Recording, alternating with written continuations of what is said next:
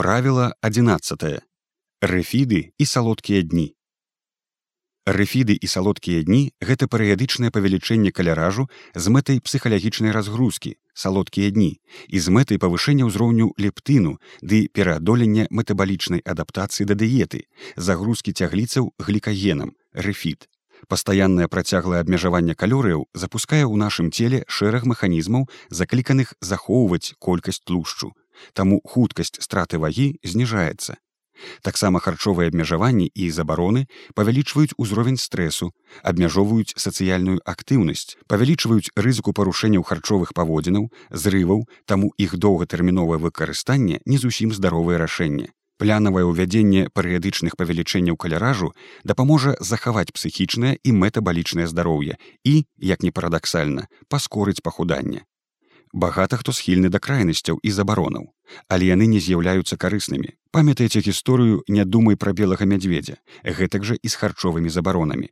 Забараняючы мы толькі ўзмацняем значнасць гэтых прадуктаў. Яны здаюцца нам яшчэ больш прывабнымі і жаданымі. Забарона як бумеранг. Чым мацней забароніш тым мацней ударыць. Фокусуйцеся на парадкаванні дыеты адводзячы ў ёй месца любой ежы якая здаецца вам асабліва апетытнай Як з'явілася праблема? Пры кантролі свайго харчавання чалавек сутыкаецца шэрагам пабочных эфектаў. Яны спалучаныя з неабходнасцю стварэння дэфіцыту калорыяў цягам доўгага перыяду часу, адмовай ад пэўных прадуктаў і зменай ладу жыцця. Так як новае харчаванне не стала яшчэ звычкай, то для яго падтрымання выдаткуецца вялікая колькасць псіхічных рэсурсаў і гэта патрабуе валявога намагання, Праблема яшчэ ўскладняецца тым, што змяненне складу прадуктаў прыводзіць да таго, што тыя стравы, якія давалі задавальненне і дафамінавы выкід салодкія і тлустыя, выключаны з рацыёну і чалавек сутыкаецца з дэфіцытам задавальнення. Метабалічная адаптацыя да дыеты. Пры працяглым абмежаванні калярынасці ўзровень лептыну паступова зніжаецца. Зніжэнне лептыну з'яўляецца сігналам да пераходу ў рэжым эканоміі калорыяў, што прыводзіць да негатыўнага ўплыву на ўзровень палавых гармонаў і гармонаў шчытавіцы, падзенне энергічнасці, настрою і запаволенне тлушчаспалення. Вычарпанне глікагенавых дэпо. Зніжэнне колькасці цяглічнага глікагену, запас глюкозы ў цягліцах, пры трэніроўцы з'яўляецца эфектыўным спосабам стымуляваць спалення тлушчу. Аднак моцнае яго зніжэнне ў спалучэнні з абмежаваннем вугляводаў можа прывесці да пагаршэння самаадчування і павышэння ўзроўню картызолу. У такім выпадку рэфіт дапаможа аднавіць энергетычныя запасы ў цягліцах. Гэта больш актуальна для тых, хто займаецца сілавымі відамі спорту. Папярэднічаць рэфіду павінна інтэнсіўная трэніроўка на ўсё цела.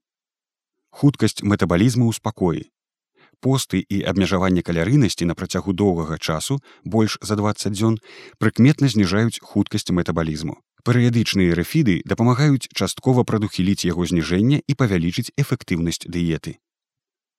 Небяспека забаронаў. Працяглая забарона ўжывання пэўнай ежы стварае рызыку парушэнняў харчовых паводзінаў. Забаронены плод салодкі і забарона ўзмацняе фіксацыю на ежы, выклікае навязлівыя думкі, павышае ўзровень стрэсу. Таму правільней будзе дзейнічаць, зыходзячы з пазіцыі кароткатэрміновых абмежаванняў, а не забаронаў, успрымаючы абмежаванне як структураванне, парадкаванне свайго харчавання, а не татальную забарону. Жорсткія забароны павялічваюць рызыку стрэсу і зрываў, якія могуць звесці на нішто ўсе нашы намаганні нармалізацыі рэжыму. Забарона ўзмацняе фіксацыю на ежы, выклікае дакучлівыя думкі, павялічвае ўзровень стрэсу. Таму правільней будзе дзейнічаць, зыходзячы з пазіцыі кароткатэрміновых абмежаванняў, а не забаронаў, успрымаючы абмежаванне як структураванне, упарадкаванне свайго харчавання, а не татальную забарону. Сацыяльная ізаляцыя. Пастаяннае жорсткае датрыманне пэўнай дыеты часта можа ствараць пэўныя сацыяльныя нязручнасці, калі вы ў нейкі час устрымліваецеся ад ежы на сяброўскіх сустрэчах афіцыйных мерапрыемствах і да таго падобных. Гэта можа прывесці да непаразумення і адчужэння. Мая парада, сацыяльная актыўнасць, у тым ліку звязаная з ежай, павінна захоўвацца, няхай і ў кампрамісным выглядзе. Як гэта ўплывае на здароўе? Першае павышэнне эфектыўнасці пахудання. Аптымальны ўзровень гармонаў шчытавіцы і ўзровень метабалізму ў спакоі ды шэраг іншых паказчыкаў важныя для падтрымання прагрэсу. Рэфіды дапамагаюць падтрымліваць поспех пахудання. Лептын напрамую стымулюе актыўнасць сімпата адрэналавай сістэмы, узмацняючы спаленне тлушчу. З усіх нутрыентаў мацней за ўсё ўзровень лептыну паднімаюць вугляводы. Таму менавіта яны часцей выкарыстоўваюцца ў рэфідах.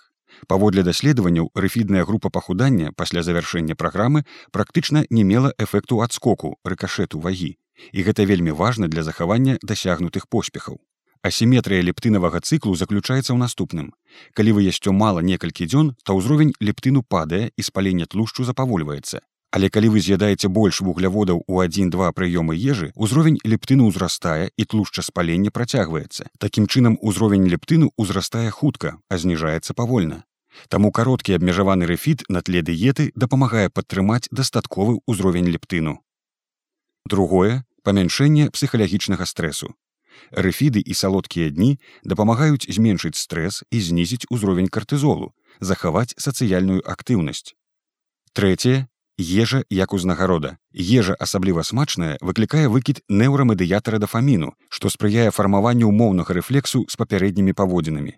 Менавіта з гэтай прычыны маленькімі кавалачкамі ежы дресіроўнік можа прымусіць жывёлу рабіць розныя фокусы без гвалту. Наш мозг таксама лёгка стварае прычынна-выніковыя сувязі, таму задумайцеся, што адбываецца, калі вы ясцё салодкае, будучы ў стрэсе. Сувязь наступная. Я няўдачнік, таму вось мне ўзнагарода ежа. Каб наступным разам атрымаць смачную ежу, трэба быць у стрэсе. Гэта вельмі небяспечная і нездаровая стратэгія, Таму я не раю есці святочную ежу ў стрэсе. Аднак з пункту гледжання паводзінаў адзначыць свае поспехі ў коле блізкіх сяброў смачнай ежай, узнагародзіць сябе за дасягненні, гэта цалкам працоўная стратэгія, закліканая ў будучыні узмацніць вашу матывацыю на далейшыя перамогі.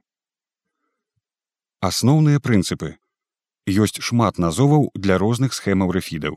Гэта і дыета для пахудання з павышэннем калорыяў CSD. Калі вы 11 дзён на дыеце, а затым ідуць тры дні рэфіду. Таксама маюцца іншыя схемы накшталт 3 плюс 1, калі на тры дні дыеты прападае адзін з вялікай колькасцю калорыяў. Рэфід ад ангельскага рэфід, фід, харчавання ежа.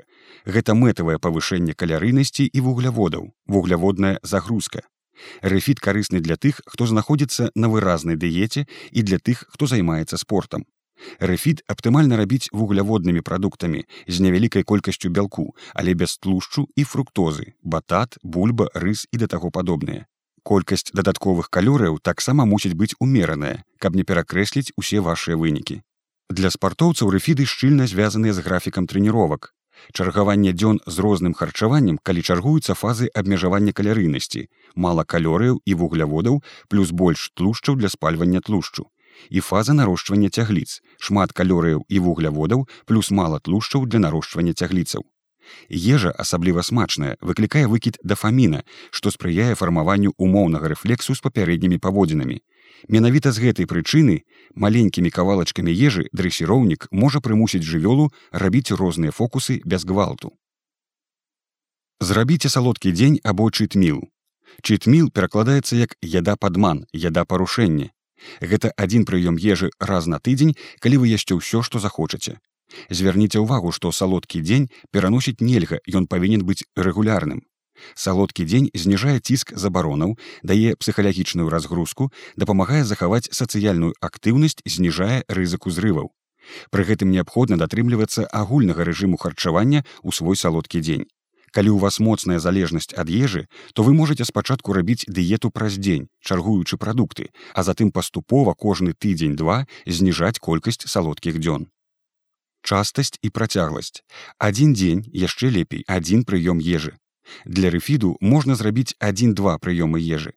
А вось у салодкі дзень чытміл лепш есці ўсё, што вы любіце, але ў межах аднаго прыёму ежы.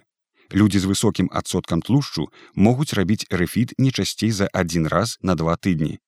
сярэднім раз на тыдзень з нізкім узроўнем ды інтэнсіўнымі трэніроўкамі два рэфіды на тыдзень. Як трымацца правіла, ідэі і парады. Дух свабоды. Памятайце, што ежа цудоўная гэта крыніца энергіі і вы заўсёды можете з'есці ўсё што захочаце Усё можна, але не вам і не сёння. Рабіце забароны кароткатэрміновымі на тыдзень, на месяц з магчымасцю падаўжэння. Думкі аб тым, што да канца жыцця вы не будзеце есці цукар, сапраўды не дадуць вам здароўя і ўпэўненасці. Нядома, рабіце салодкі дзень нядома.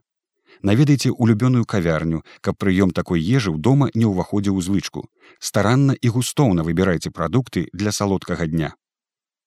Структуруйце ежу, памятайце, што святочная ежа толькі на святы, але не падманвайце сябе. Падумайце, што асаблівага вы можаце прыгатаваць да традыцыйных ці сямейных святаў, каб падкрэсліць іх атмасферу. Многія стравы традыцыйна выкарыстоўваюць толькі на святы. Не ешце святочную ежу ў будні.